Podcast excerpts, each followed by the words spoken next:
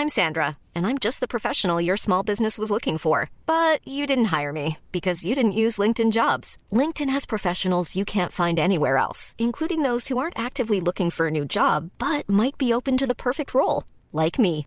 In a given month, over 70% of LinkedIn users don't visit other leading job sites. So if you're not looking on LinkedIn, you'll miss out on great candidates like Sandra. Start hiring professionals like a professional. Post your free job on linkedin.com/people today.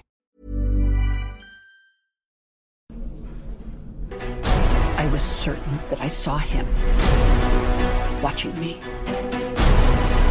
You pretend like you moved on, but you're actually just obsessed with death. What are you gonna do when Michael comes back for you?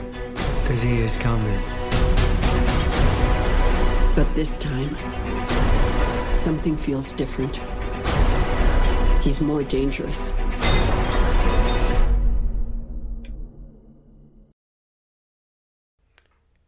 Happy Halloween!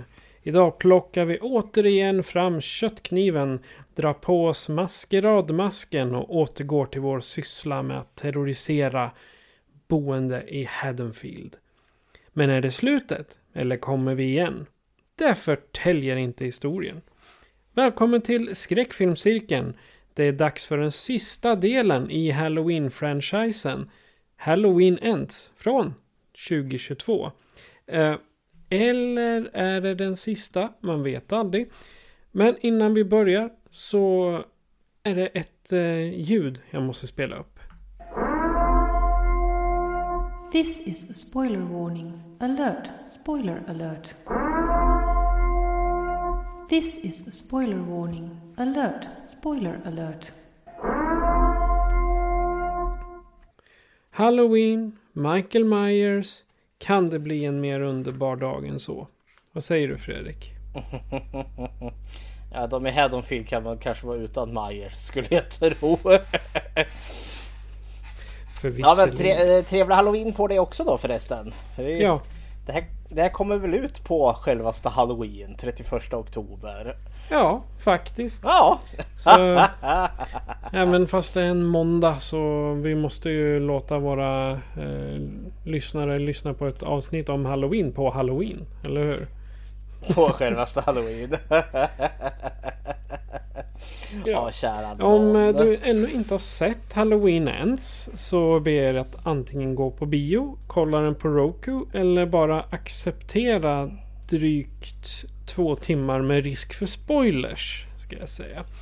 Men eh, innan vi börjar tänkte jag bara kolla hur känns det så här två veckor efter att vi lämnade skräcken och plockade in Turtles istället? ja men det har varit roligt. Det är alltid roligt att samarbeta med eh, Film till fikat och Turtles är ju lite Det är lite blast from the past men samtidigt inte så mycket för jag var ju inte sån jätteturtle fan. Jag var ju med Ghostbusters när det begav sig. Men det är lite kul att återvända till de här jättetidiga 90-talsfilmerna. Så jag vet inte riktigt hur jag kommer känna när vi är uppe i Michael Bay-filmerna. Men ja, kära värld. Hur känns det själv då? Två veckor efter Turtles? Jag har försökt att glömma det. Ah, nej, skämt åsido. Eh, men jag lär ju inte gå, åter, återkomma till Turtles-filmerna på ett tag i alla fall. Det var inte my cup of tea även fast de var underhållande. Ja, ja, vi har ju, Men så vi har ju några till kvar så vi kommer inte undan. Nej, exakt. Vi, vi lär väl få, få, få smaka på dem ändå. Nåväl, men innan vi börjar med själva halloweenandet så tänkte jag att vi i vanlig ordning ska prata om vad vi har sett sen sist. Så jag tänkte låta dig börja. Jag har ju sett otroliga mängder just nu. Jag kör ju det här 31 filmer eh, till halloween, en per dag här. Och lägger upp på Ja, eh, idag blir ju sista. Jag har redan tyvärr halkat lite efter här, men jag tänker jag kan ju ingen idé att tjata om dem för de har ju liksom, de ligger ju där uppe till allmän beskådning för den som vill. Men eh, jag kan ju prata om andra filmer för jag har sett andra filmer utöver det. Så det, det är hiskliga mängder filmer. Men jag såg en film här som heter Everything Everywhere All At Once. Eh, det är ju inte skräck på långa vägar utan det är ju lite mer actionkomedi. Eh, men jag tycker nog att wow, det är nog en utav 2022s bästa filmer. Eh, jag kommer onekligen sätta den där uppe på om jag skulle göra en topp 5 lista så kommer Everything Everywhere All At Once hamna på den. Eh, och den var jättemysig för det var en både liksom en jätteflamsig, tramsig actionkomedi om någon stackars medelålders kvinna som ja, liksom har problem med med vad heter det, Skatteverket för att eh, ja, ekonomin går inte riktigt ihop för det tvätteri hon har. Eh, gubben hennes är väl på väg eh, eventuellt att eh, eh, ansöka skilsmässa och hennes vuxna dotter känner inte riktigt att hon har eh, sin mammas stöd för hon mm, Ja hon vill ju komma liksom ut till, hon vill presentera sin flickvän Eh, Eh, för, för deras gamla morfar. Men morfar är liksom han är gammal av en äldre skola där då liksom. Nej, men tillvaron är liksom ganska gråtråkig men ändå så liksom kaosartad. Och så kastas hon plötsligt in i en multiversa-plott.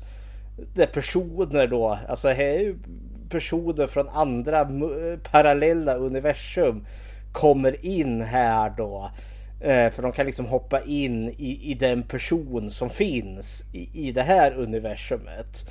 Så hennes liksom timida make blir plötsligt värsta kampsportsexperten och säger till henne att hon är typ the chosen one att stoppa något förfärligt hot som är på ingång som hotar liksom samtliga universum till undergång. Och så kastas hon in i världens jävla galna liksom actionplott det är sån uppfinningsrikedom och det, det, är vansinnigt kul. Men samtidigt mitt i alltihopa så är den också jättedjup. Allmänmänsklig, väldigt filosofisk. Eh, och var otroligt vacker. Så jag både liksom har skrattat häcken av mig och sett och gråtit glädjetårar till den här filmen.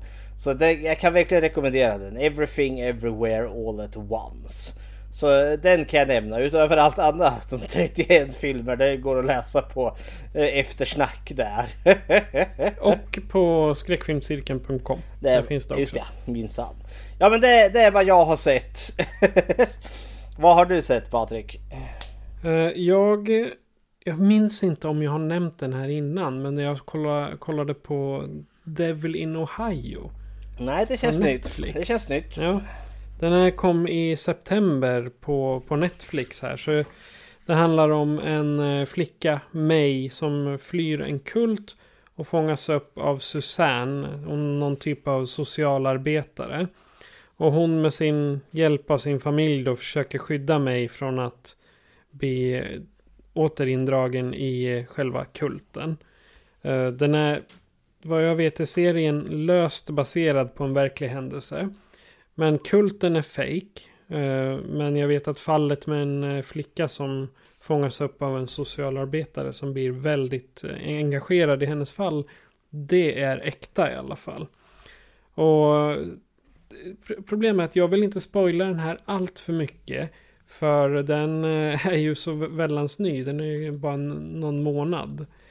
Eh, men eh, om man ska eh, tänka på lite kända, kända namn här så har du Emily Deschanel. Det vill säga Bones. Som är, spelar mamman. Och sen Madeline Arthur som spelar May här. Också bra skådespelerska. Amerikansk-kanadensisk. Hon har varit med i många filmer redan. Eh, nåväl. Sen har jag faktiskt läst en bok. Hör och häpna. Eller läst, jag har lyssnat på den. Eh, och det är eh, J.S. Axel som har skrivit en bok eh, som heter Mörk stad. Från 2019. Och jag, jag kan läsa lite av handlingen här. Världen ligger i ruiner. En smitta som förvandlar människor till blodtörstiga odjur har slagit civilisationen i spillror. Samtidigt kommer säkerhetsstyrkor gemensamt från USA och Ryssland och rensar upp Södermalm och gör det till en karantärzon. Så man kan säga att eh, det här är en mix mellan eh, World War Z, Corona, valfri vampyrfilm och Stockholm. Jaha okej. Okay. Du säger vampyrfilm. Det lät ju mer som zombies tyckte jag. Ja, fast det är blodsugare.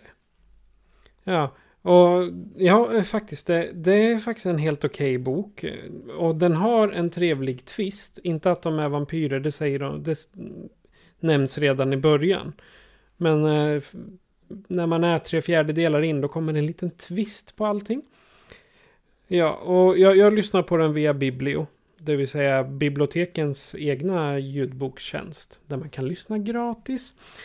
Eh, och sen eh, så upp, den följs upp av eh, en bok som heter Mörkt land. Med, I samma serie då. Så då var jag tvungen att ladda ner Bookbeat så jag kunde lyssna på den också då.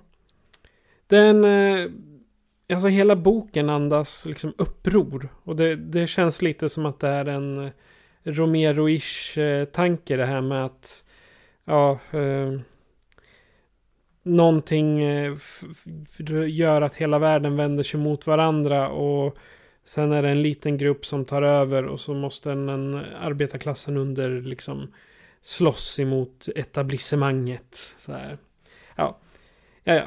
Men eh, det, det var en, en, bra bok. Den kan jag rekommendera. Tre av fem. Inte den absolut bästa boken men den är bra. Underhållande att lyssna på. Jag tror inte jag skulle läsa den i bok.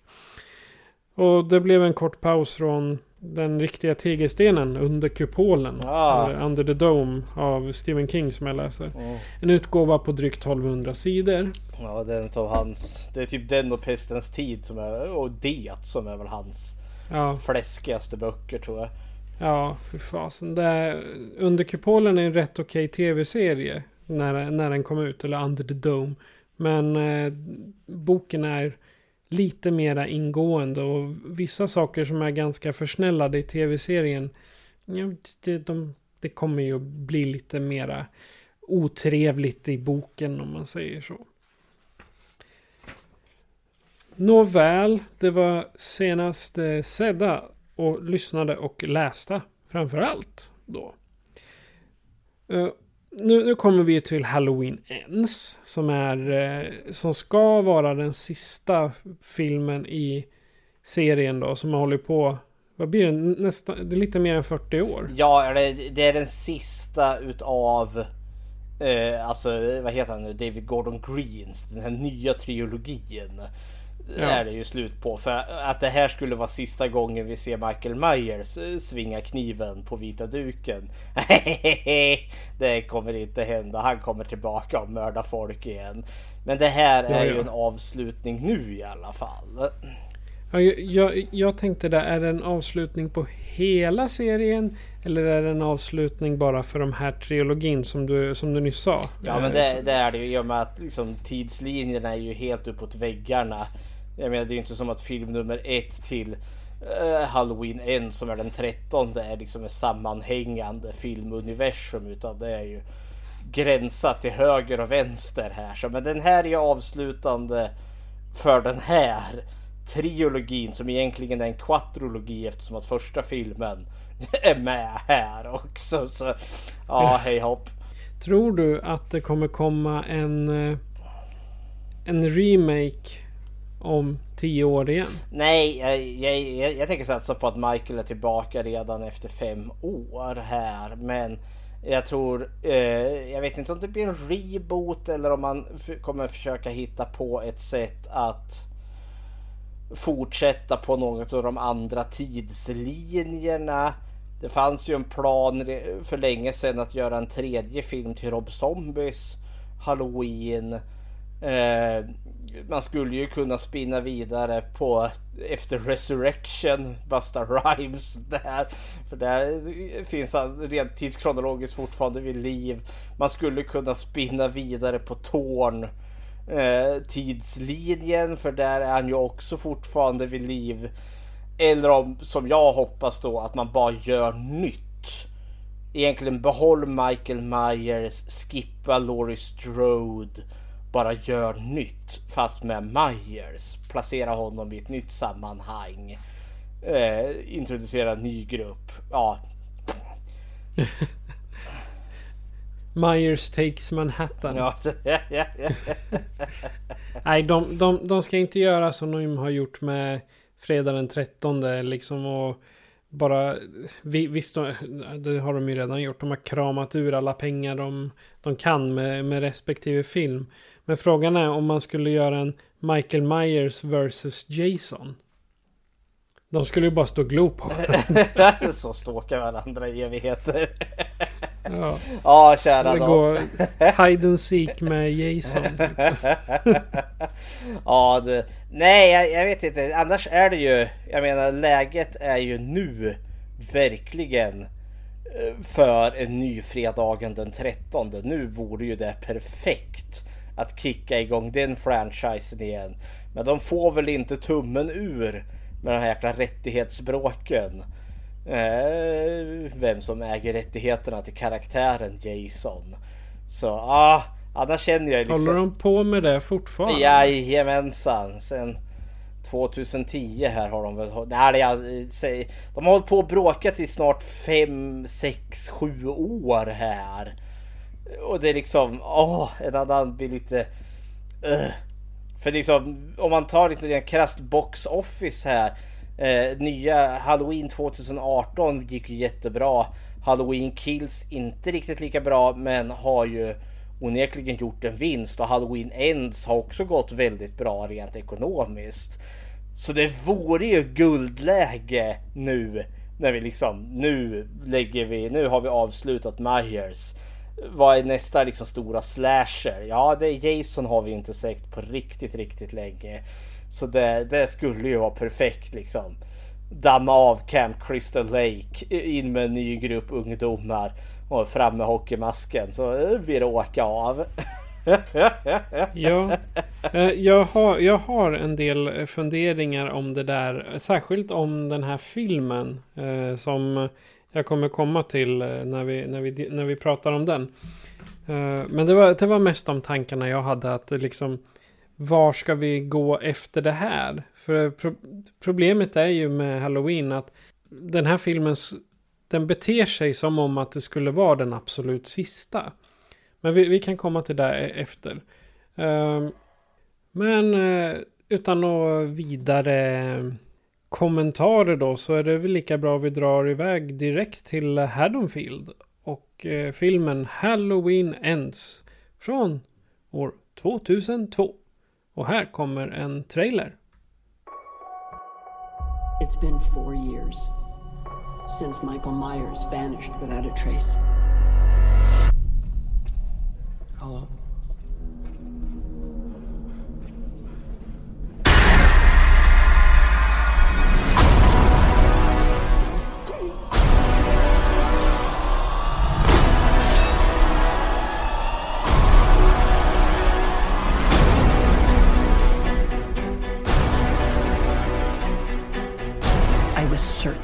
Saw him watching me. You pretend like you moved on, but you're actually just obsessed with death. What are you gonna do when Michael comes back for you? Because he is coming. But this time, something feels different. He's more dangerous.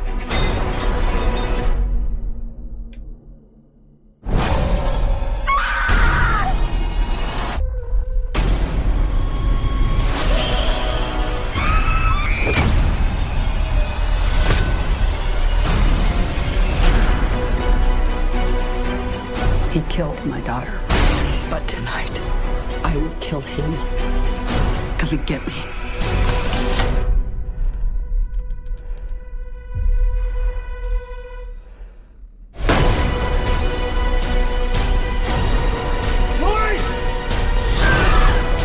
Maybe the only way he can die is if I die too. It all ends now.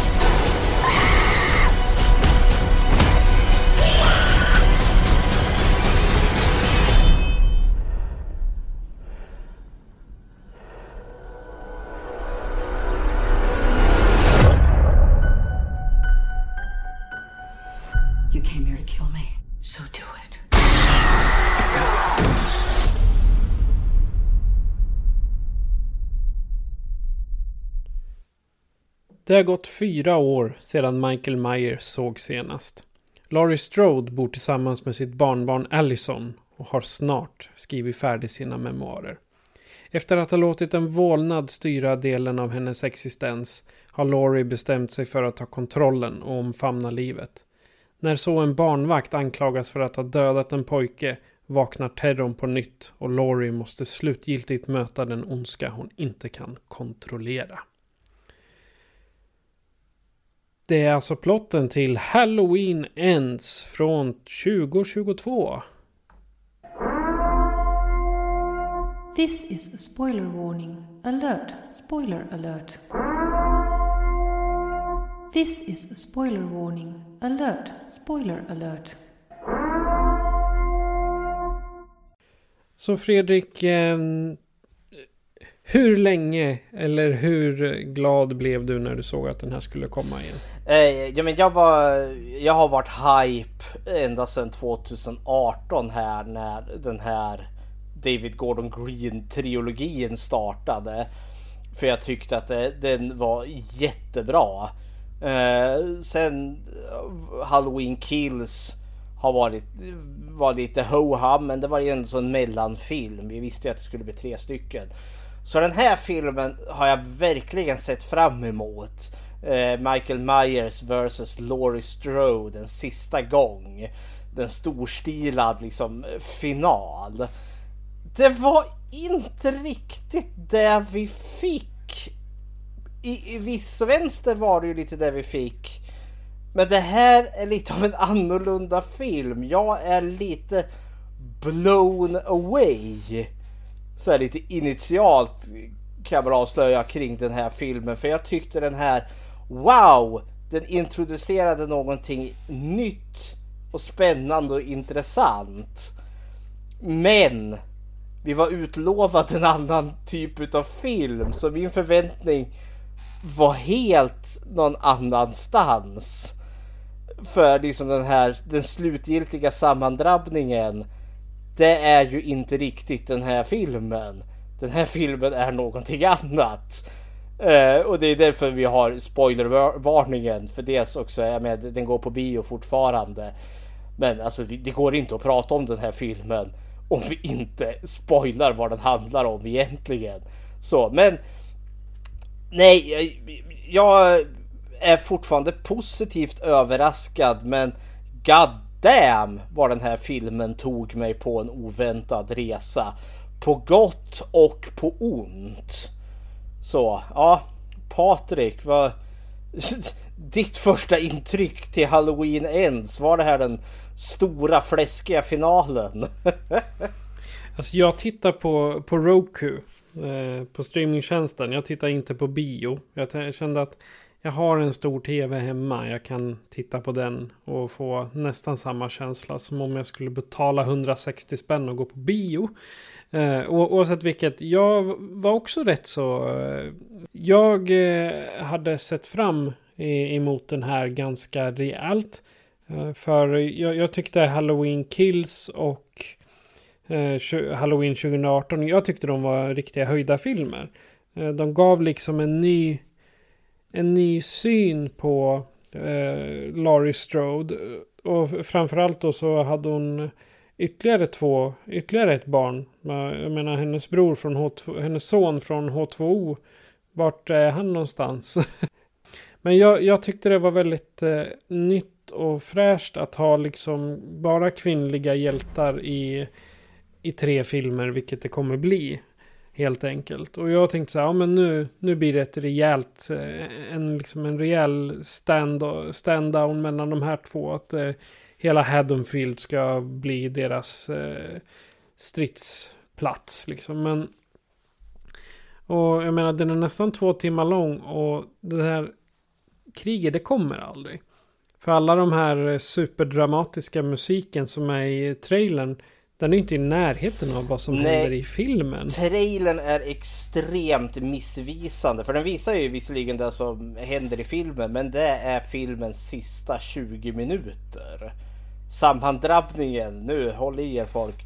Sammandrabbningen de två sinsemellan kommer inte förrän liksom de sista 20 minuterna i filmen. Michael Myers är knappt med i den här filmen. Det är en annan mördare. Hör och häpna, flämt, flämt. Det är en annan ja. mördare i den här filmen. apropå, alltså, apropå twister så tyckte jag det var en riktig... Eh, vad ska man säga? En, en, en riktigt konstig twist. Jag, jag fick så här att det var J Jason is dead. Mm. Eller vad heter den? Jason goes eh, to hell. Ja precis, Jason goes to hell. Det var lite samma, samma princip här mm. som eh, kom upp. Ja men det är ju alltså. Det är det, det, här som är grejen. För jag, jag tror det, det, här är en annorlunda. Alltså det känns som en mismatch till film här. För Halloween 2018 och Halloween Kills det bygger ju verkligen upp liksom Michael Myers kommer och drabbar Haddonfield. Och vi har ju verkligen liksom hur Halloween Kids slutar. Han, han mördar Laurie Strodes dotter. Och vi ser liksom hur Laurie Strode liksom går emot liksom eh, skärmen hållandes en kniv där liksom den jäveln ska jag ta. Liksom allt har liksom handlat liksom om att åh, oh, de, liksom, de är på kollisionskurs de här. Och den här filmen, nej jag får känslan av att den här trilogin inte var uträknad. Alltså det, det var inte en färdigskriven trilogi eh, här utan de, de började med första filmen eh, som är den mest stabila enligt mig. Den var mest uttänkt. Sen Halloween Kills och Halloween Ends har man skjutit lite från höften. Eller liksom för rent tematiskt går inte End ihop eh, med de andra två filmerna. Och det är lite av ett letdown. Men det introduceras någonting nytt i Halloween Ends som jag tycker är jättespännande och kul med den här franchisen.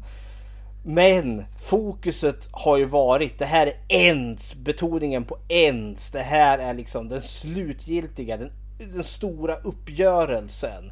För jag menar, Jamie Lee Curtis, hon kommer inte återvända som Laurie Strode här framöver. Så på så sätt kan jag känna en viss sorg att det här inte riktigt vart kanske den stora finalen på det sättet. Men alltså den, den här skulle inte heta Halloween Ends. Den här skulle kanske heta The Corruption of Michael Myers. The Curse of Michael Myers.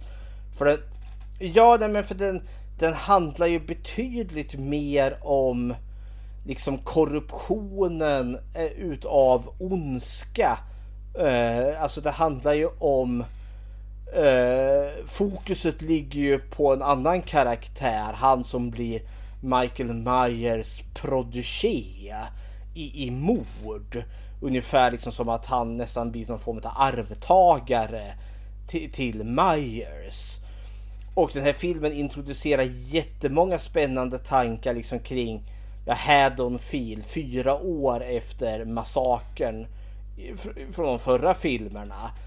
Och det finns jättemycket gott där och det, den här filmen gav mig så mycket tankar men samtidigt nej. Det, det, det, det är ett missfire. Det är en jättebra liksom för mig alltså tycker jag jättetrevlig tanke, plott, koncept. Men den är såld som den stora, the final battle, the final showdown.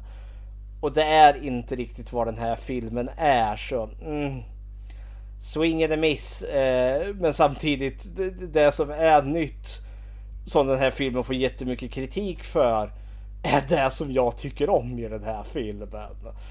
Ja, kära nåd. Ja, vad, vad, vad, tycker du spe, specifikt? Den här tonen de väljer att gå med den här märkliga filmen. jo, eh, ta tanken med den här filmen tycker jag verkar som att det är en så här bully revenge först. Eh, I och med att Michael Myers är ju inte med förrän framåt mitten på filmen någonstans där. Så att, men vi kan väl, om vi går igenom karaktärerna Eh, vi, några har vi ju redan eh, sett förut, men jag tänker mera hur eh, exempelvis Laurie och Allison, hur de kan ha utvecklats från förra filmen. Eh, vi, vi kör väl Laurie Strode direkt, Jamie Lee Curtis här. Eh, hur, vad tycker du om henne i, i Laurie Strode fyra år efter? Uh, hon, har gått från, hon har gått från att vara den här paranoida tanten mm. som uh, bor i sitt hus med inbyggd, inbyggd förbränningsugn och uh, bur i källaren och framförallt att ha vapen för en halv armé. Till att vara en författare som bor mitt inne i Haddonfield. Och liksom slappnar av med livet. Och hon har liksom inte...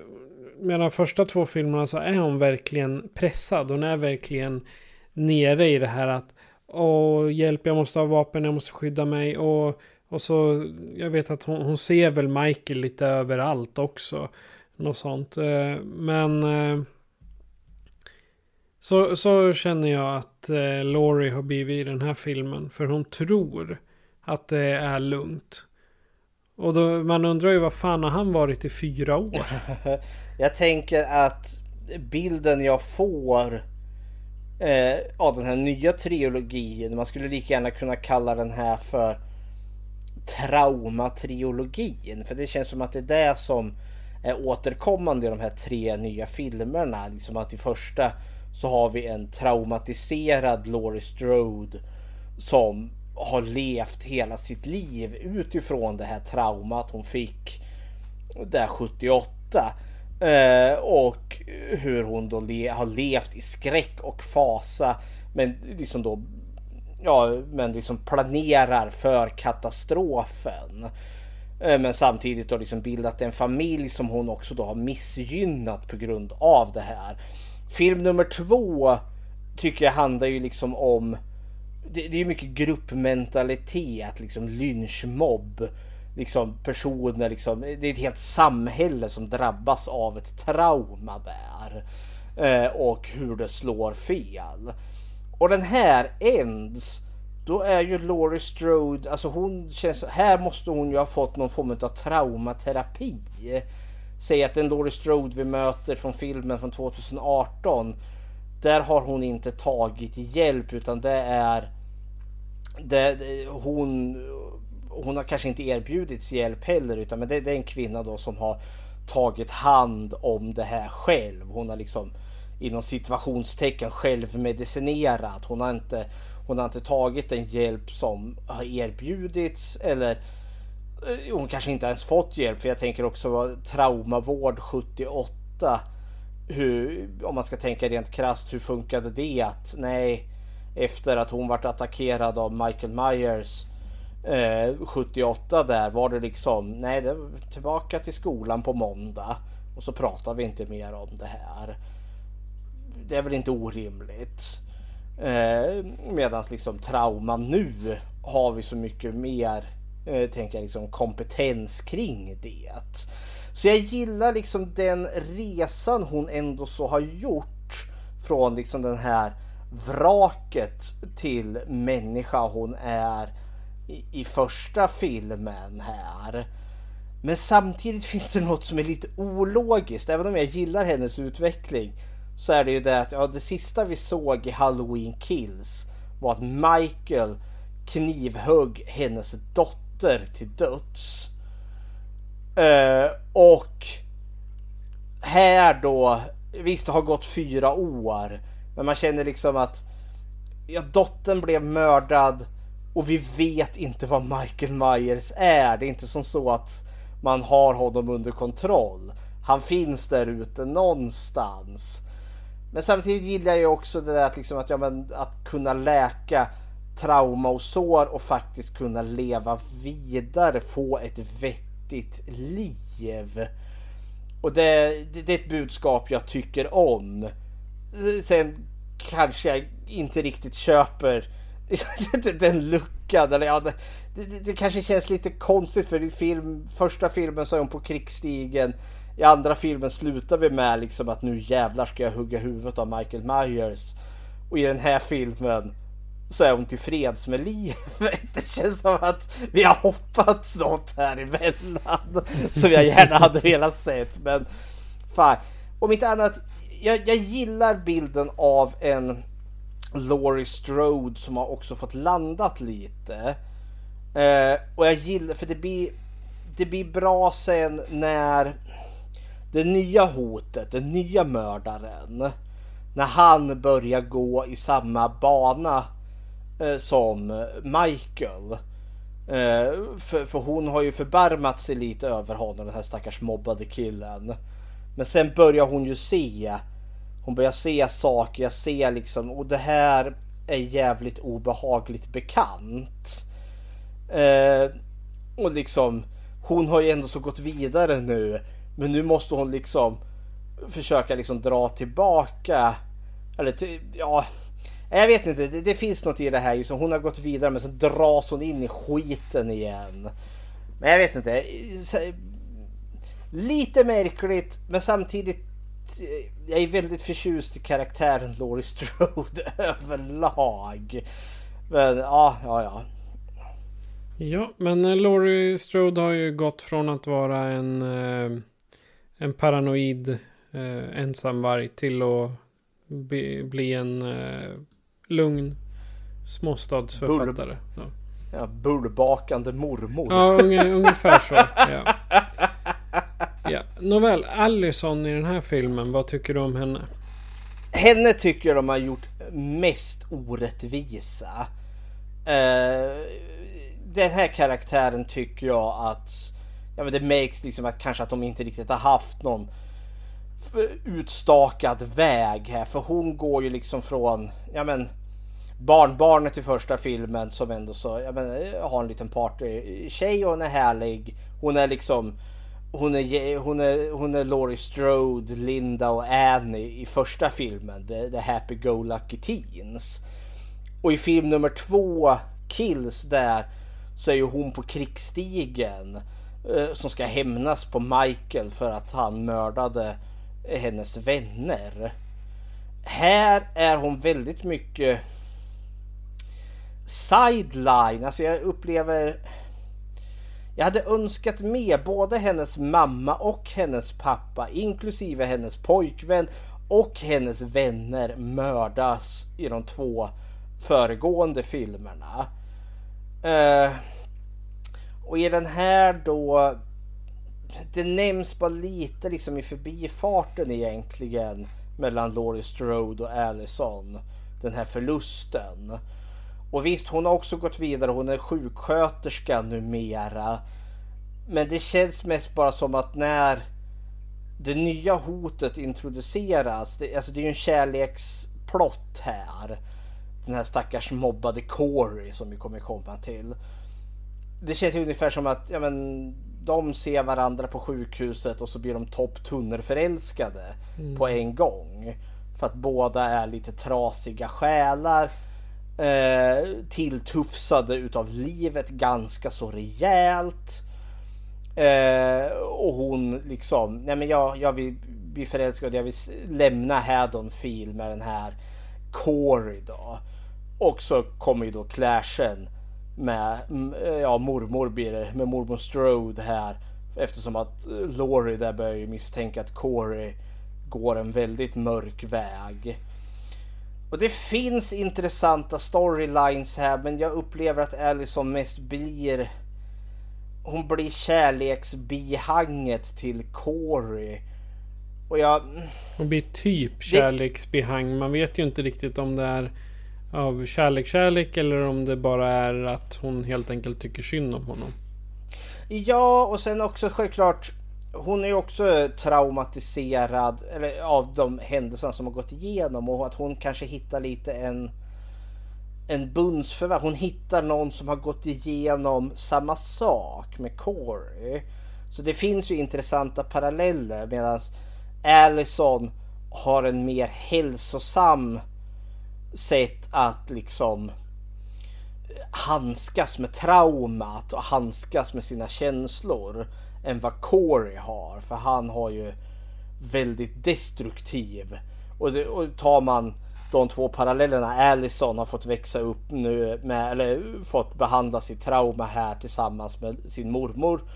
Eh, och de har valt en mer, eller det, det, det, det är mer kärleksfullt, det är mer öppet eh, Och medans Corey har också sitt trauma. Men där förstår vi att det är på ett annat sätt.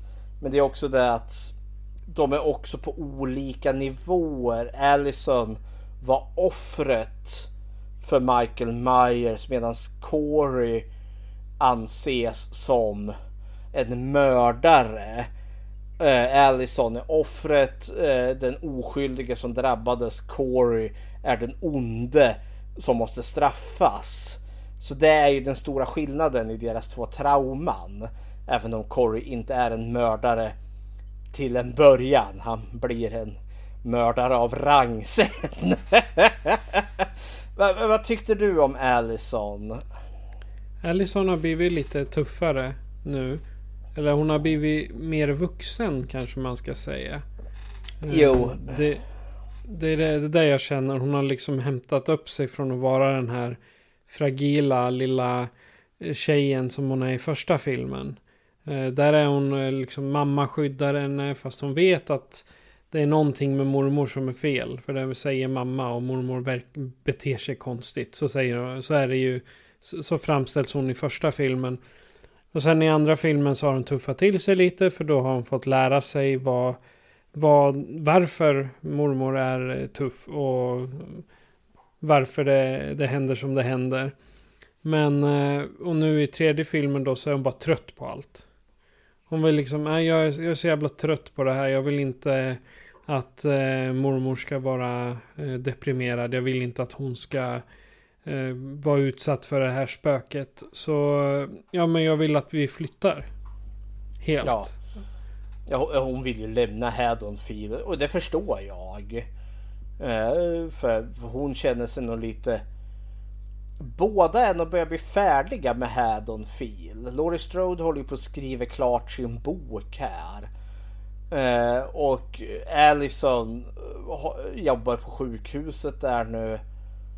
Och har väl liksom... Nej men... Allt... Hon vill därifrån. Hon är ung. Hon har livet framför sig. Och Haddonfield har utvecklats ganska negativt ändå. Ja, de vill, eh. alltså, det, det, finns ingenting att göra. Affärerna har börjat stänga. Och jag menar hon skulle kanske behöva åka till någon av de större städerna. Ja. Men Haddonfield och, och, eh, enligt, eh, enligt eh, mytoset eller historien så ligger det i Illinois. Och jag menar Illinois. Vad har vi i Illinois eh, som är, eh, som, som är stort här då? Eh, huvudroll, huvudstaden heter Springfield och det ligger precis i närheten av Chicago. Så jag menar, det måste ju finnas någonting man kan göra på, de har ju flera universitet också, så hon skulle liksom kunna eh, studera eller vad, vad som helst. Fast sen gå med i militären som alla andra gör. Att hon eh, alltså, jag kan tänka mig att de här fyra åren har gått åt till liksom, man har liksom bara bearbetat det här jävla traumat och nu liksom kanske börjar hamna på en mer stabil nivå. Men också överallt hon nu vänder sig i Haddonfield så är det ju allting förknippat med, med morden, med Michael, med, med traumat. Hon vill nog bara därifrån. Eh, för att liksom, nej men börja livet på nytt så vi äntligen kan lämna The Shape, The Boogeyman bakom oss och påbörjat liv och är liksom ja, och hela samhället har ju också förändrats på grund utav eh, vad heter det? Ja, de två föregående filmerna. Eh, ja, nästa karaktär att prata om det är ju Corey. Han borde ju komma in under hotet också. Så jag vet inte om vi ska spara honom. Jag tror vi kan... Eh, han, han ligger ju liksom... För, eh, vi lägger honom under hotet. Jag tycker det är mycket bättre. Ja, vi kan, eh. vi kan ju säga det. Vi kan ju säga det. Alltså Michael Myers är ju med och han är ju självklart ett hot. Men alltså det här är ju en resa. Vad jag brukar kalla för en helvetesnedstigning. Alltså vi följer ju egentligen Corys resa ner i vansinne. Men vi kommer då till det. Jaha, eh, när vi har avhandlat de andra Halloween-filmerna, vi är tvungna att komma ihåg hur vi gjorde back in the days här. Men då, eh, då försökte vi alltid lyssna på, eh, vad heter det, The Team Song, John Carpenters eh, fantastiska musik som skapades i första har ju återvänt i samtliga filmer och den här då, den trettonde i serien är ju inget undantag. Så är det läge att spela upp uh, Halloween Ends uh, signaturmelodi här. Ja, ja, det är inte hela för den är ganska lång Nej. men uh, en bit av den är det. Jajamän.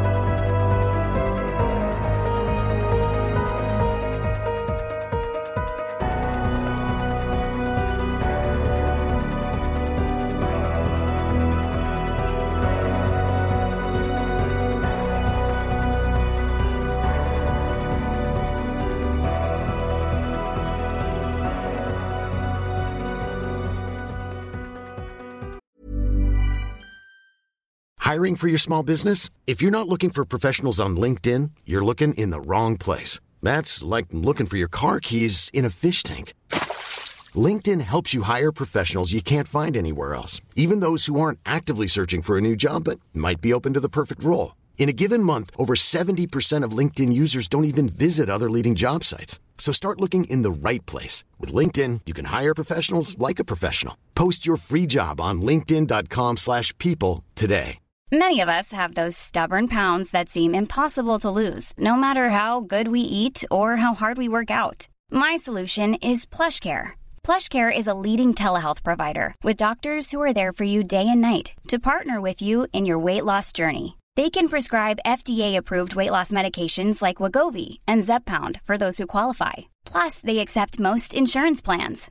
To get started, visit plushcare.com slash weight loss. That's plushcare.com slash weight loss. Det är som en lite pimpad eh, variant utav den, eh, den första. Den är mer laid back, alltså den har inte så mycket umf i sig i den här tycker inte jag.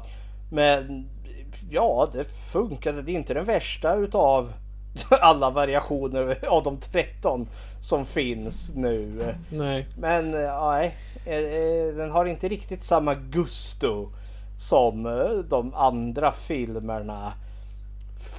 För det känns redan, ja men återigen, lite olyckligt att just det här är Ends. Det här borde vara The Corruption of Michael Myers eller The Evil of Michael Myers eller något sånt där. Ja. För, ja, ja sak samma. Det, det funkade. Det var John Carpenters. ja, jag, jag, tycker inte soundtracket var sådär eh, superbt. Eh, det är jag faktiskt inte nöjd med. Men, Nej, och ska jag eh, snacka musiken överlag. Alltså de förlitar sig inte så mycket på det klassiska halloween-musiken i den här filmen. Och det är också kanske en del som förtar lite halloween-känslan från den här filmen. Totally. Ja, ja. Totally. Hon måste ju få vara med åtminstone ja, när det är halloween. Det tycker jag. Alla älskvärda Linda. Nej, men mycket av eh, alla scener och händelser förstärks ju med musik. Men den är ju inte i närheten av själva halloween-musiken som den var i eh, originalen. Där använder man ju i stort sett varianter utav eh, eh, huvudtemat i själva filmen för att göra liksom eh, lite eh, vad heter det? lite stämning och känsla. Och det gör man inte i den här utan nu använder man bara, man hör ju i, i trailern, dung, bang, dung. Sådana här stora. Man, har ett eget soundtrack eh, som funkar också väldigt väl. Men det är som sagt, Halloween har ett väldigt säreget soundtrack. Ja, men Halloween, den här Halloween Ends, den har en helt annan ton i soundtracket än vad alla mm. de andra filmerna har haft. Lite ja, lamare.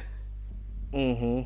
Och det här är också en ganska dyster film. Tänker jag säga också. Ja. Uh, och det, det, det kanske liksom tonen har varit med samtliga den här nya trilogin att det har varit lite mörkare filmer. Och jag skulle nog hävda att det här är den mörkaste av dem alla. Rent tonmässigt. Eh, så ja, hepp. Ska vi gå till Haddonfield? Ja. Platsen här. Haddonfield, Illinois. Som inte existerar, mm. men... Nej. I alla filmer tycker jag, alltså när vi har varit i Haddonfield. Eh, det har alltid varit svårt att få liksom... Jag har alltid tyckt att det har varit svårt att få liksom en direkt blick hur liksom hur stort är Haddonfield, hur funkar det? Det har alltid varit de här eh, villorna med sina vita staket runt omkring. Så det har alltid varit ett väldigt medelklassområde. I den här filmen tycker jag att jag får mer blick av Haddonfield som stad. Det, det känns större. Vi är på mer platser. Vi är liksom på köpvaruhuset, sjukhuset, vi är i villaförorten, vi är ute på bilskroten, vi är liksom i, i viadukten under motorvägen, i avloppsrören. Vi är på mycket mer platser, men jag känner också att vi har en mycket mer sunkigare plats. Vi är, vi är i Haddonfield känns mer smutsigt nedgånget kanske inte riktigt är helt och hållet men det är ungefär som att vi är i början på något form utav förfall i, i Haddonfield. Ja. Eh, vad, vad, jag hittade just nu är att det finns en fan, fan-made film. The Haddonfield Nightmare. Som en, eh, den är fan-made och ska vara en eh, uppföljare till H2O. Jaha, så där. Vad tycker du om Haddonfield i den här filmen då? Eh, jo, Haddonfield i den här, det känns lite som att det har blivit större. Mot i de andra filmerna. Ta som ursprungliga Halloween, där känns ju Haddonfield verkligen som en liten, liten, liten stad eller by, eller vad man ska säga. Det finns liksom, de har inget stort köpcentrum, här har de bara en lokal butik. du har ostbutik, du har elektronikbutik och du har en polisstyrka på tio personer ungefär. Men nu eh, i den här så känns det som att Haddonfield har blivit större, bredare. Med mera invånare. Ja, dels det och sen också att det har blivit... Men som innan, det, har känts mindre, det känns mer idylliskt. Det är liksom puttrigt med sin lilla ostbutik och sin lilla poliskår här känns det ju liksom som att vi har så mycket mer otrevliga karaktärer här. Vi har liksom ja men, ganska otrevliga mobbarkaraktärer. Vi har liksom ganska dryga, eller ja dryga, jo men polis, eh, han Allisons ex-pojkvän är ju ganska dryg och det känns också som att det är liksom... Mulaney ja, men, det va? Ja, nej, men det är också liksom det är så dryga kompisgäng som liksom... Eh, och, och, man målar ju också upp... Alltså vi, vi har ju ett x antal självmord som inleds. Vi får se precis i början här som någon form av eftereffekt utav vad Michael gjorde här. Folk som har tagit sina liv som är chockerade över vad som har hänt och det känns som också att det finns en mer ovänlig attityd. Folk tittar nu, liksom blänger misstänksamt på grannen. Det här är ett samhälle som inte mår så jättebra. Där alla liksom har blivit berörda. För tar man jag menar Halloween 2018 och Halloween Kills. Det, den utspelar sig ju i stort sett Eh, på samma natt. Och ska man slå ihop dem, det är liksom ungefär 50 mord allt som allt. Det är helt hysteriskt mycket. Och bara föreställa, ja, men jag, jag kan tänka mig lite som att det finns en liten allegori här, exempelvis en, se, en skolskjutning eller ett terrordåd. Eller något sånt där och hur det kanske då kan påverka ett litet samhälle på gott och på ont. Jag tänker liksom att Laurie Strode och Allison får väl kanske visa på där. Uh, ja men det kanske är bearbetning efter sån trauma går väl. Men sen har vi också Corey där. Där vi har trauma där det inte går väl. Vad liksom du får för spilleffekter på det. Men Haddonfield känns inte idylliskt i den här filmen. Det känns ganska hårt. Det känns ganska kargt. Och lite ungefär som en krutdurk som är på väg att explodera. En tryckkokare som håller på att pyser över. Men det är väl också det... så att Haddonfield har blivit 40 år äldre och 40 år modernare. Det är, det är det som gör att det är att jag tycker det är större. Men det är väl samma med som våran hemstad Eskilstuna. När jag var liten då var den mindre. Eh, ja, gud, för det ja. var ju, och där, eh, där jag bor nu, där var det ju liksom runt om var det gräsmattor. Och eh, nu i mellan 2019 och fram till nu så har de ju liksom byggt hus uppe på där det var parkeringar och gräsmattor förut. Så det har ju liksom kommit upp säkert 400-500 nya bostäder. Bara på de 30 åren som jag har bott i, eller 36 som jag har bott i Eskilstuna. Så jag menar, och då borde det ju vara samma med Haddonfield, för det blir ju mera med barnen i Haddonfield, alla och flyr säkert inte därifrån, utan en del ynglar av sig och då ska de barnen i sin tur bo. Och menar, man har ju blivit lite mer realistisk det här. Det är inte att man har en småstad, barnen tar över ditt hus när du dör och så vidare. Som det, som det kan vara ibland på film att man bor flera generationer i samma hus. Så att det, det är liksom... Mm, Haddonfield är, stort, det är kallt och sen eh, jag tycker det har gått från att vara ett litet samhälle till att bli en större stad. Mm. Och en stad på lite på börjande dekis där. Eller åtminstone med något form av trauma över sig som har gjort att befolkningen är inte så gästvänlig längre. Ja, kära någon. Är det dags att gå in på hotet? Eller hotenna. Ja. Eh, och då är vi, vi sparar Michael till sist. För även om han inte är med särskilt mycket så är han med trots allt. Ja. Jag vill, jag vill säga att det är tre hot här. Okej. Okay. Åt olika håll. Vi har dels eh, mobbarna. Uh, för det, det här blir, det blir som en kedjereaktion.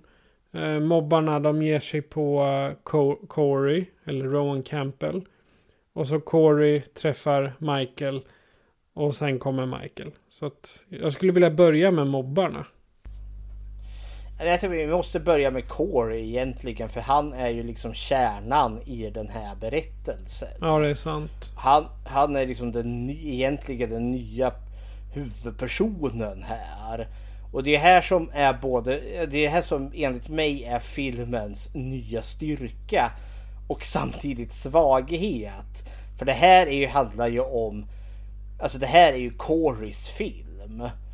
Om hur han, ja men han går från den här, ja men vänliga killen med framtidsplaner till som är att han drivs till vansinne och blir en förfärlig mördare. Eh, och det är det som är så malplacerat i filmen som ska vara Michael Myers och Laurie Strodes slutgiltiga fight. Nej men han, han är ju, alltså vi, vi, vi börjar ju med, filmen börjar ju med att han sitter barnvakt till någon unge där Eh, året efter massakern från, från förra filmen. Han sitter barnvakt åt Jeremy. Ja, Uh, och Jeremy, det är också det här som jag tycker är snyggt hur den här filmen lyckas fånga upp det här. Ja men hur något sånt här kanske påverkar. För Jeremy är lite besatt utav skräck och lite besatt utav Michael Myers. Och det är liksom inte orimligt för ett barn att liksom, ett sånt här jättetrauma som det här ändå så är. Liksom barn kommer inte undan det. De fångar upp det all, allmänna osmosis. Men han beslutar ju sig för att utsätta Corey för ett spratt med att lura honom att Michael Myers är i huset. Vilket var en ganska effektfull scen i den här. För jag satt också och tänkte här. Ja, är Michael i huset eller inte? Men det visar sig att så är det ju inte utan han han eh, lurar ju in Corey på vinden är det väl. Och låser dörren där så står han utanför och tåntar honom. Och jag, jag tolkar som att Corey får någon form av panik. Där. Och ska ju bara ta sig ut och liksom tar ansats mot dörren. Dörren flyger upp, träffar ungen Jeremy i ansiktet så pass att han backar baklänges över relingen eh, Eh, och faller då i den här ja, in i balkongen där eh, och slår ihjäl sig. Precis när mamma och pappa kommer tillbaka där. Eh, och det är ju vad de ser. Alltså, och sen hopp tillbaka eh, tre år senare där då. Där vi förstår liksom att Corrie har blivit friad. Det var en olycka. Men han är knäckt. Eh, och omvärlden låter inte... Eh, han blir liksom plågad också. Ja, han ja, han var friad av juryn men dömd utav mm. allmänheten. Av samhället. Ja. Uh, och det här som jag tyckte var så snyggt också. För det finns den här, så när ett trauma av den här magnituden sker. Alltså Michael Myers är ju borta. Han greps aldrig. Han sitter ju i klaken visar det sig sen och häckar. Eh, men så sker det här. Uh, liksom snacket har ju gått direkt. Men istället, man har inte Michael Myers att kunna rikta ilskan mot. Men Corey finns ju här. Och han blir ju liksom han kan man rikta sin ilska och frustration till.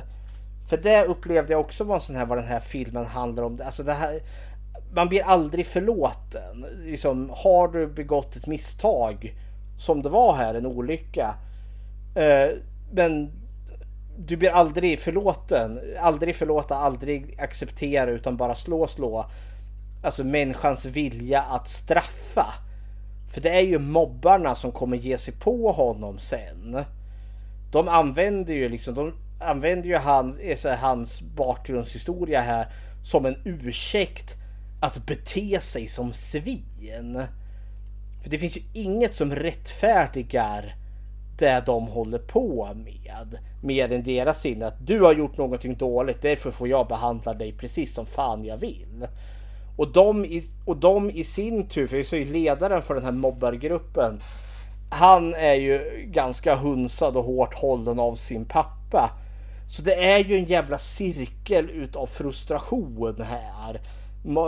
Ledarmobbaren är i sin tur mobbad av sin pappa och så ger han sig på någon som han då liksom ser ner på. Eh, och det blir ju Corey och Corey är liksom... När han äntligen liksom försöker stå upp för sig själv då blir det bara värre. Och det blir då the tipping point för honom. Eh, och så går han ner då i en extremt våldsam jävla spiral utav galenskap.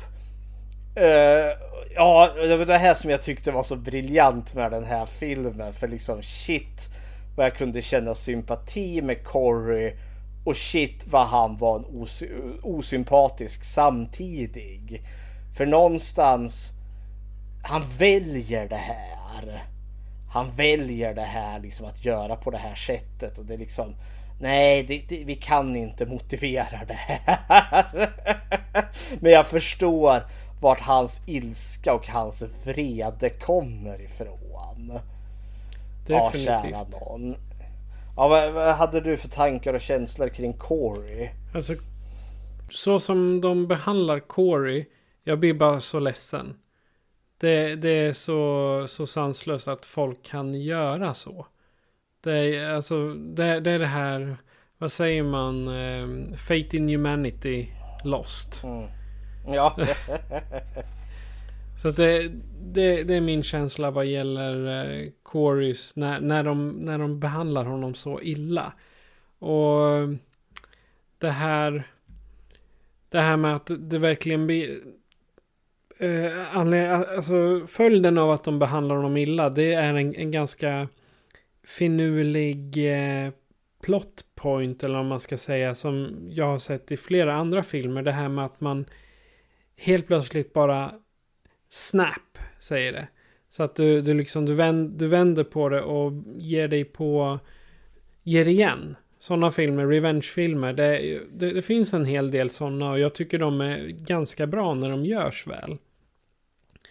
Och den här delen när han börjar ta, ta, liksom, ta igen på sina mobbare, att han ger igen helt enkelt. Det känns så skönt. det, det är inte rätt att mörda någon, absolut inte. Men den känslan han, känslan jag får är att äntligen får han, får, får han liksom, ja, han, han får lite, mm, ja, han får lite lugn i själen för att han får göra han får göra upp med dem. Han får ge igen.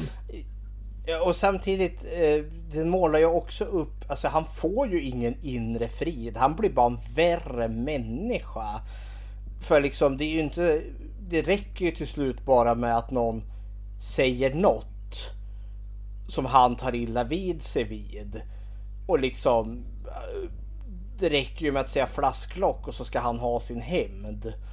Eh, och den är ju alltid helt in i helvete oproportionerlig. Det, vi snackar ju liksom inte som att här kom det ett eh, knivhugg i hjärtat och så var det död. Utan det är ju den här dunka personens ansikte i bordet tills tänderna ramlar ut och sen klipper han av eh, personens tunga med en sax. Det är liksom, han ska plåga, han ska förnedra.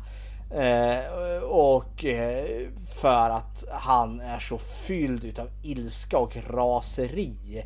Och märkligt nog så blir han ju kanske lite lugnare, men han blir instabilare också.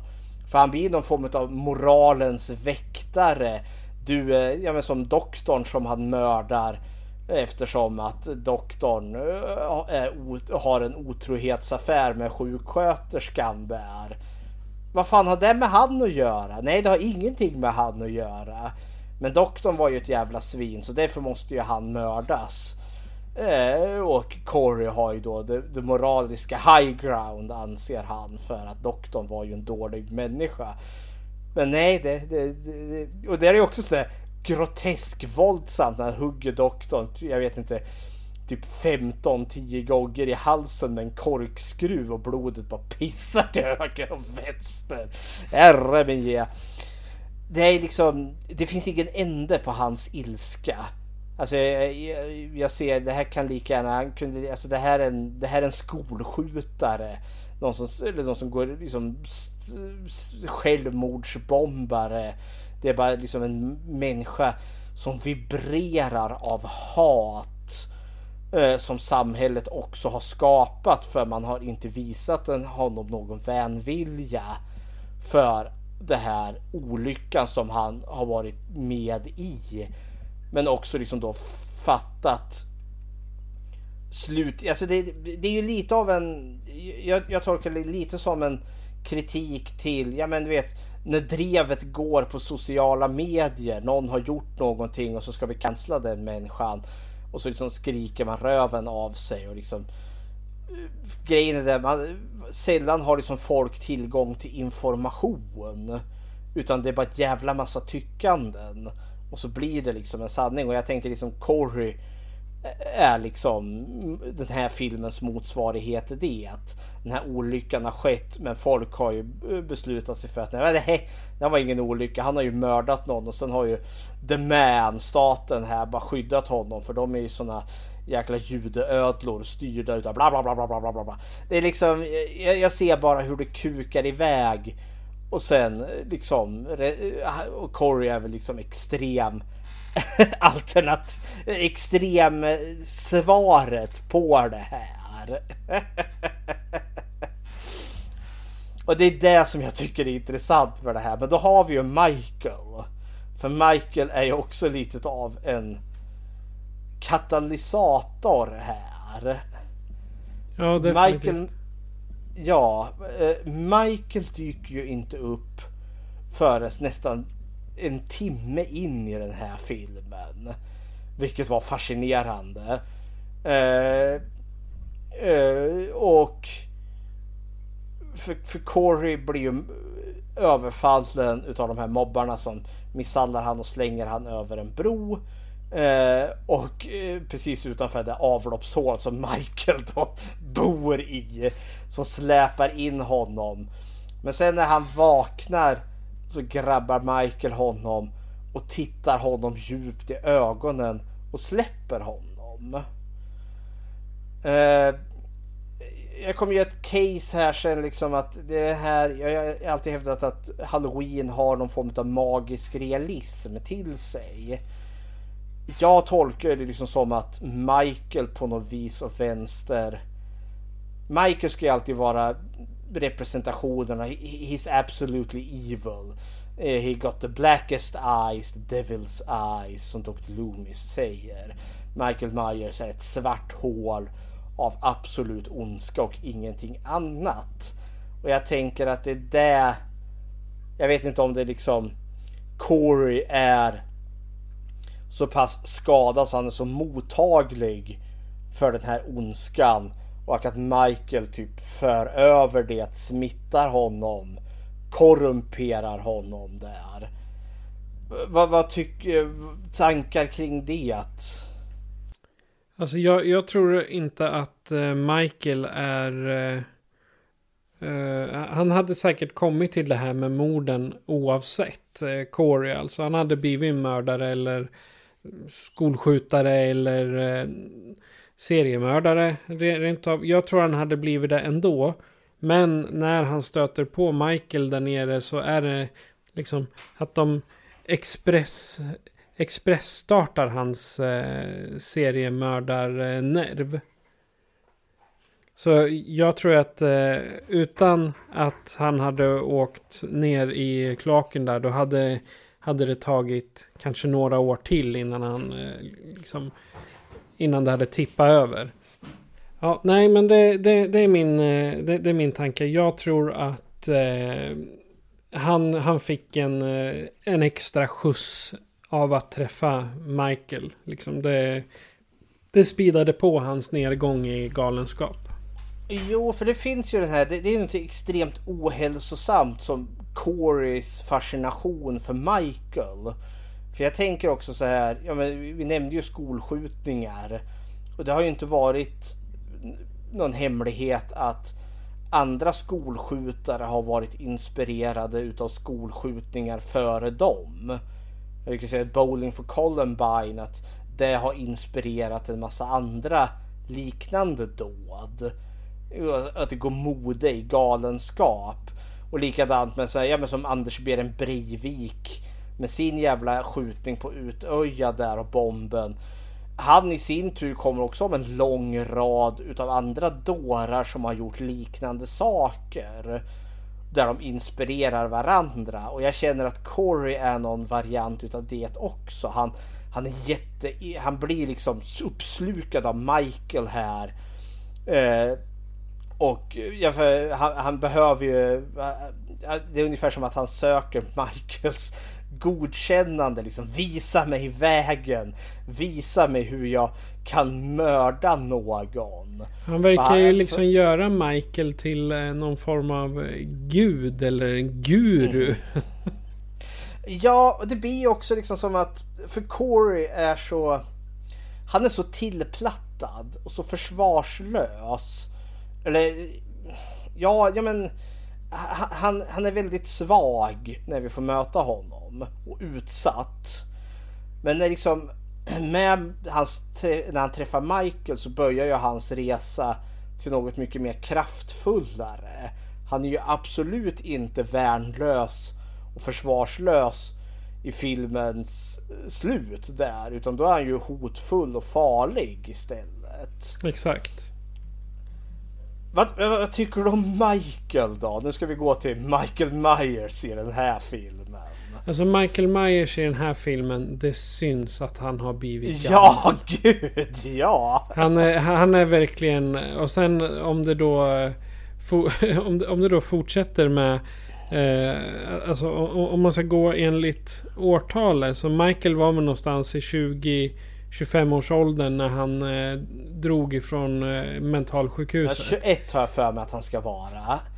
Ja, 21. Ja. Och så lägger vi på 42 år. Så han skulle vara runt ja, 60, 65 års åldern nu då.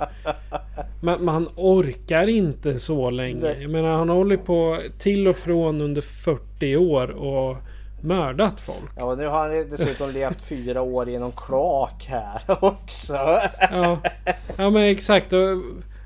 Hallå, vad fan har han gjort i en kloak? Det finns grejer med, alltså Michael är eh, jag gillar han, alltså, så, det är precis som du säger, han, han, är gammal. Det känns som en skruttig, svag Michael Myers här.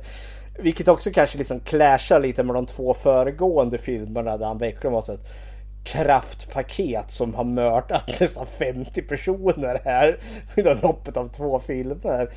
Men Exakt. här känns han annorlunda. Men jag känner när, när han dödar polisen där.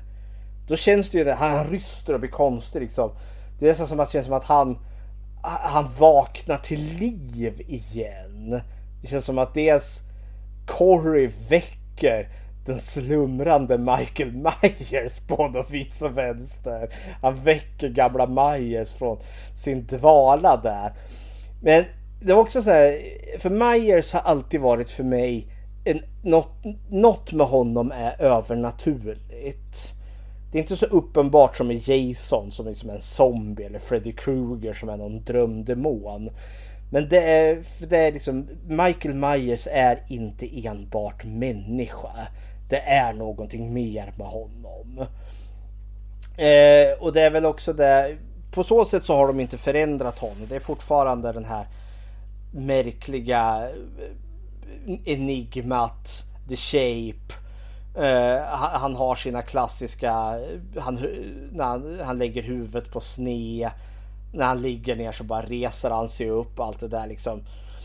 Uh, och när Corey är nere i klaken första gången så var det något jag reagerade på för liksom i väggen så ser det ungefär som att det finns som ett avtryck utav Myers mask liksom i, i, i det blöta i väggen där. Och det känns ju som, nej det är inte otro... Alltså bilden jag får, liksom, hur, hur kan det bli som en avbildning av hans mask? Men då tänker jag, nej han har stått där med liksom huvudet pressat mot väggen i fyra år. Och det är liksom, jag kan ju bara spekulera i det men i och med att jag tror att det är något lite lätt övernaturligt med honom så känns det inte orimligt. Och med tanke på hur jävla mycket stryk han fick i Halloween Kills så kan man tänka liksom, har, har han liksom stått här och liksom, ja liksom bara egentligen lapat sina sår. Någon form av återhämtning. Han kanske har stått och healat. Ja, ja men. Ja men det känns inte orimligt. Det är därför han kanske när, när Corey väl kommer in så bryter han det här mönstret på något vis och vänster. Eh, och liksom Myers kickar igång igen men han är fortfarande i ett ganska svagt tillstånd. Jag gillade konceptet att vi liksom hade Michael Myers och hans producé eh, ungefär.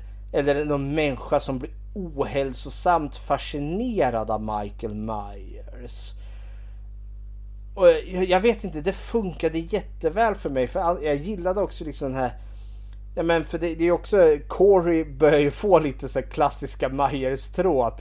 Att stå bakom en buske och blänger. Och han blir ju också så här stark sen också. Han kan ju bara stampa på någon kvinnas huvud och huvudet bara plask. som går i, i, en blodig liten hög. Och det är det jag tänker är den här magiska realismen. Och det här jag också tänkte att vi hade ju kunnat öppna upp för någonting här. Liksom som att säga att Myers för över sin ondska i Corey. Så att vi kan få någon form av... Ja men då blir det ju liksom så... ja, men, det är typ Jason Goes to Ja hell men typ passing of the torch på något vis och vänster. Men sen är det ju det här. Ja, är det då Michael Myers? För det känns lite fel. Eh, det, måste det vara Michael, alltså Michael Michael? Duger det inte med att det är en annan person fast i samma mask? Men det är ju där liksom. Så har inte franchisen sett ut. Det har alltid varit Michael Myers i den där vita masken. Scream har ju det konceptet att vi har ny Ghostface varje gång. Så... Alltså det, det, det, skulle inte funka på en sån här... Eh, eh, inte sensationell kan man väl inte säga. Men på en sån här klassisk mm. serie som Halloween. Nej. Scream, är, viss, Scream har blivit en modern klassiker. Mm. Men Halloween är ändå liksom the klassiker of the klassiker. Ja men det är ju det och det är också det här just att Michael Myers har ju ändå sin personlighet eller den persona som han har byggt upp. Och det funkar ju liksom för att det är just han. Att Corey sen liksom blir eh, Michael Myers mm, han har ju inte riktigt samma motivationsmönster. Han har en motivation. Han, han är arg. Han är rosenrasande. Och det, det har ju Michaels aldrig egentligen varit utan han har ju alltid bara varit ett svart hål. Och som vi inte riktigt kan förstå oss på. Som bara mördar folk. Och det, ja. ja, men, det, det, det, har varit något kusligt och bra med det. Alltså, det är det som jag alltid gillat med Michael Myers. För att han, jag, jag kan, han är den här kraften som bara kommer efter dig. Och att det kusliga med han är just att han är motivationslös. Det enda han gör är död för att han är ond. Eh, när man ja. när man om man försöker ge honom mer motivation än det. Att, nej, då blir det inte bra. Men visst, man gjorde ju det i, de andra, i, i uppföljarna att han mördar sina släktingar. Men man har ju gått ifrån det i de här nya filmerna. Så. Ja, ja, Michael. Jag, jag, jag vet inte, jag gillar det här ändå. Även, men ja. Vi får väl komma till det som är det. Ja, vi har ju ett slut här trots allt. ja. Eh, men vill du... Eh, ska vi göra en, eh, en liten repris i form av... Vad sägs om morden? Några av dem kan du väl bjuda Ja, på? Vi, vi har ju räknat kill-counten i den här. Hur många har Michael Myers mördat? Eh, och jag tänker i, i, i de andra filmerna då har vi ju gått igenom dem mord för mord för mord. Vi gjorde inte det med Halloween Kills för den gick på bio medan vi gjorde det. Medan vi gjorde poddavsnittet. Och vi är ju i samma läge den här gången också. Så om vi går igenom mord för mord för mord då spoilar vi lite för mycket av filmen.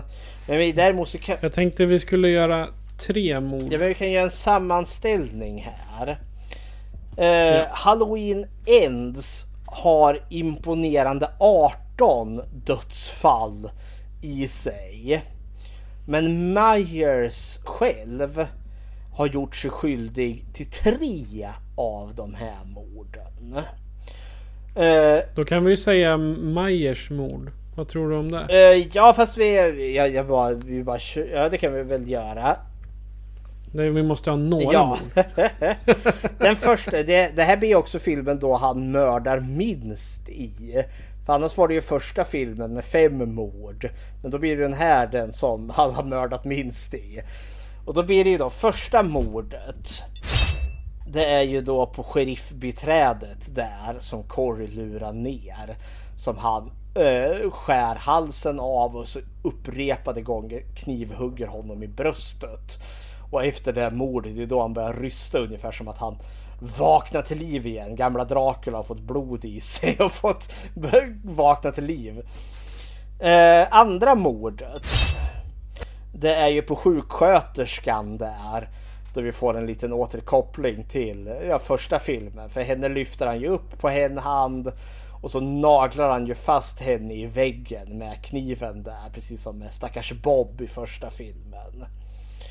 Och sen sista mordet. Eh, är ju på en person som han vrider nacken av innan han beger sig efter eh, Laurie Strode där. Men då betyder det den sammanslagda dödssiffran, och Myers samlade mord, vart också lite intressant här. För i slutet av Halloween Kills, då var vi uppe i sammanlagt 166 mord. Men den här filmen introducerar, eller återintroducerar att en av karaktärerna som varit mördad i Halloween Kills förstår vi överlevde attacken. Den här stackars kvinnan som han tryckte in ett lysrör i halsen på. Hon dyker upp i den här filmen sittandes i en rullstol. Jaha, då måste vi ta bort ett mord. Då är vi uppe då i 165. Men då får vi lägga till tre. Så den slutgiltiga siffran är då 168 mord har han begått på 13 filmer.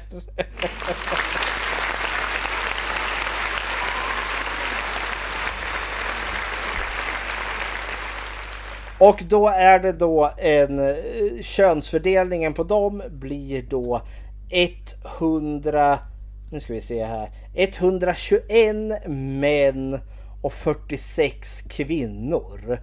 Så vi har fortfarande en, eh, ett överslag utav män som mördas utav Michael Myers än kvinnor i, i, i Halloween-filmerna. Han besparar ju kvinnor och barn i alla fall. Jajamensan. Då får vi väl gå till det absoluta slutet här.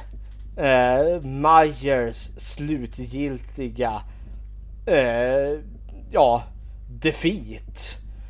Hur, ja. hur tyckte du det? Alltså för nu, jag tänker nog säga att den här Michael Myers, han är död nu. Ja, han är... He's fucked. Han är död. och det här är också... Ja men det här, det är därför den heter Ends. Ja. För nu är det verkligen slut. Mm. Och frågan är nu... Ja, jag, skiter i om man, om man låter bli... Eh, ni som inte vill höra slutet, eh, stäng av nu. Eh, se filmen. Annars så eh, lyssnar ni ut och... Eller så har ni tittat på filmen och lyssnar ut. På livestreamen stänger jag av ljuden nu. Mm. Så. Eh, om... Eh, det här, I den här filmen då är det verkligen... Nu jävlar kör vi honom i en köttkvarn så är det slut sen. Ja det är när de har avlivat han. Eh, slagit ihjäl. Eh, nej, efter att han har blivit ihjälskuren utav Laurie Strode så går de ju liksom i kortege till bilskroten och sen kör ner honom i kvarnen där. Och det är ju verkligen som att de säger hela stan måste se. Ja, och det, det här också för jag tyckte det här var ett jävligt passande slut för Michael Myers. Jag gillade det. Och det är också det här som är så synd för att det här hade kunnat, om nu filmen verkligen hade handlat om den slutgiltiga sammandrabbningen mellan Laurie Strode och Michael Myers. Top notch. Men majoriteten utav filmen handlar ju om Corey och hans liksom ja, förlust utav mänskligheten.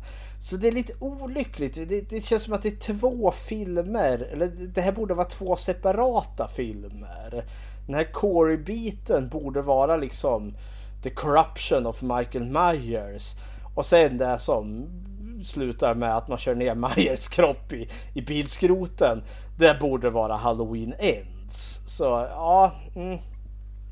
ja, ja. Tekniskt sett så borde det ju vara där men eh, så är det ju inte tyvärr. Ja. Ja, slutord om jag ska sammanfatta den här filmen.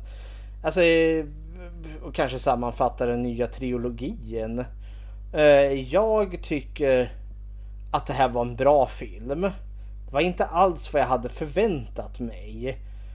Eh, och men jag gillar det nya den här filmen introducerar. Men jag förstår också frustrationen kring den här. För den känns väldigt fel marknadsförd. Det har verkligen varit Halloween Ends, Michael vs Laurie Strode. Eh, och det där man har liksom hamrat in och det var det jag var inställd på också. Eh, men det här är inte riktigt den filmen. Det finns med men det kommer verkligen i filmens sista 20 minuter så filmen är inte tillägnad deras slutgiltiga kamp. Och det förstår jag kan uppröra. Så det är olyckligt med den här filmen. Men jag tycker att den här biten med Corey, eh, alla de eh, hans liksom nedstigning i galenskap, hur han liksom blir den här mördaren och hur det hänger ihop med det här traumat som alla de här tre filmerna har handlat om. Eh, funkar väldigt väl. Och jag känner att hela den här trilogin har handlat om just ja, men, trauma och ganska svåra, svärta saker. För det har verkligen inte varit en pajig popcorn-trilogi det här utan det har varit en väldigt seriös eh, trilogi. Och det är lite på gott och på ont. För de har varit relativt humorbefriade de här filmerna. Och jag tänker säga att Halloween Ends är den mest humorbefriade och den mest allvarliga och mest dystra av de här tre filmerna. Men jag gillade att den introducerade mycket nytt som jag tyckte var kul och intressant. Men samtidigt också känns det som ett litet jävla missfire eh, med att det här ska vara eh, Laurie Strode sista kamp mot Michael. Det känner jag mig lite lurad på. Som sagt, det här känns som två filmer ihopslagna till en. Varav den här Corey biten som fokuserar på Corey är den starka biten. Och det som blir Laurie versus Michael är den svaga biten. Vilket är olyckligt. För det, ja, det borde ha varit två separata filmer. Men det som är det här nya som jag tycker den här filmen introducerar. Det tyckte jag väldigt mycket om. Men som sagt kluven. Men jag tillhör nog de som uppskattar den här filmen. För jag vet att det är väldigt många som inte uppskattar den. Och jag förstår varför. Ja, Patrik. Eh, jag var jag har, jag har läst sådana här eh, reviews nu på IMDB och Rotten Tomatoes. Och de, de flesta klagar på att det absolut inte handlade om Michael Myers det här. Utan att det handlade mer om hur Haddonfield återhämtar sig eller ja, eh, jo det blir ju det, hur det återhämtar sig och hur det verkligen tar slut. Men eh, problemet jag ser med de, eh, de recensionerna som jag har läst att de tänker ju inte på att även handlingen måste moderniseras eller utvecklas eftersom det vad, vad, vad sa vi nu? Det är film nummer 13 i, eh, i samlingen. Jag menar, på 40 år så måste det ju hända saker. Jag menar, visst, vi kanske hade folk som mådde så illa som Corey gör 78. Men det har blivit mera mera eh, upp, alltså uppenbart nu när folk mår dåligt så kan man eh, visualisera det på film eller visualisera det på i böcker eller vad, vad som helst. Och i det här fallet så har de tagit Corys självdestruktiva känslor och gjort det in i en film och eh, liksom petat ihop det så att han verkar vara en eh, serial killer in the making så att säga. Och jag, jag, jag tror som du säger, Corey, hade han varit yngre så hade han förmodligen varit en skolskjutare.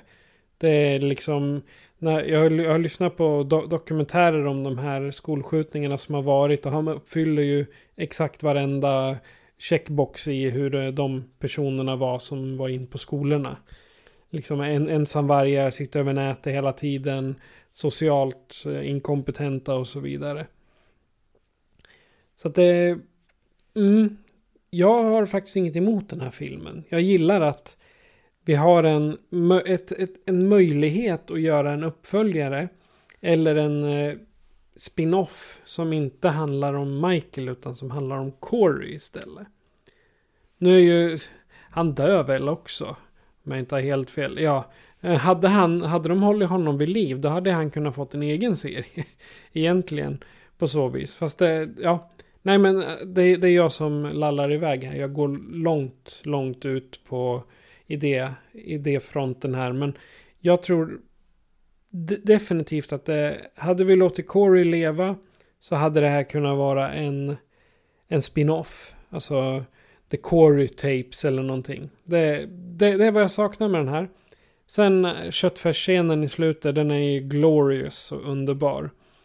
Så att det, det märks att det här är ett slut för 40 år av, lite mer än 40 år av skräck för Haddonfield.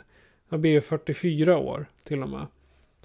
Så 44 år av skräck eh, i Haddonfield är nu över. Och kvar är eh, en köttfärs. Okej, okay, har du gjort något Bechteltest på den här? Jajamensan, om kvinnlig representation i film. Eh, och vi för ju tesen att skräckfilm är den som klarar det bäst. Eh, och eh, fråga nummer ett, finns det namngivna kvinnliga karaktärer? Ja, det gör det ju. Vi har ju mm, Laurie Strode och Alison Strode. Nu ska vi se, så har jag för mig att mobbarna också finns med där och de har väl namn? Ja, det är Stacy och Margot. Ja. Uh, möter de någonsin varandra? Ja, eh, uh, Laurie och Allison uh, bor ju i samma hus och de träffar ju varandra och Stacy och Margot är ju med i samma mobbningsgäng. Så ja. Fråga nummer tre. när de möter varandra pratar de om någonting annat än män? Ja, det gör de. Uh, Laurie och Allison pratar ju om Ja men eh, de minns exempelvis deras eh, Allisons döda mamma och Loris döda dotter. Och eh, Stacy och Margot är bara vidriga mot Corey också. så Fast tekniskt sett då pratar de ju om en man. Som de pratar men, om så, Corey. Som jag alltid tolkat den frågan när de pratar om någonting annat än män. Det är liksom underförstått att det handlar om att de pratar om pojkvänner och sådana saker. I den så håller de ju på och mobbar Corey. De kallar honom för fula ord. Eh, och då är de ju i samma scen. Ja, I vilket fall som helst, eh, Halloween Ends klarar Bechdel-testet.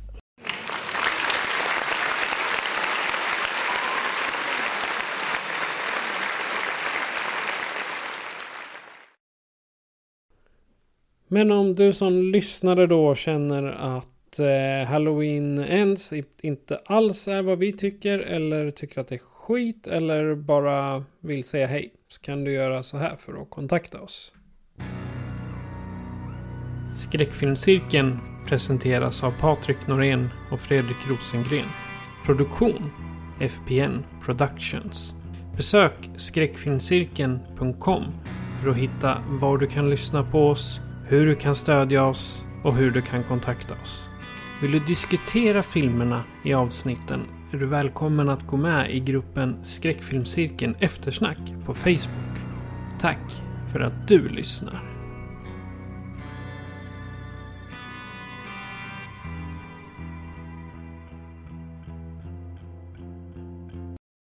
Och Fredrik, vad bjuds det på i nästa avsnitt? I nästa avsnitt då återvänder vi till Stephen King här igen och tar en titt på den första miniserien som gjordes utav ett Stephen King-verk. Och det är då Salems Lot regisserad utav Toby Hooper. 1979. Men då så, då lägger vi undan kökskniven. Eller ja, lägger undan, den har blivit köttfärs. Jajamensan, Ja. ner i skroten med den. Då så, det var Halloween Ends från i år. Och våran take på eh, slutet av Michael Myers. Vi har inte så mycket kvar att säga mer än att eh, jag heter Patrik. Och jag heter Fredrik. Du har lyssnat på Skräckfilmscirkeln. Adjö på er. Ajöken. FPN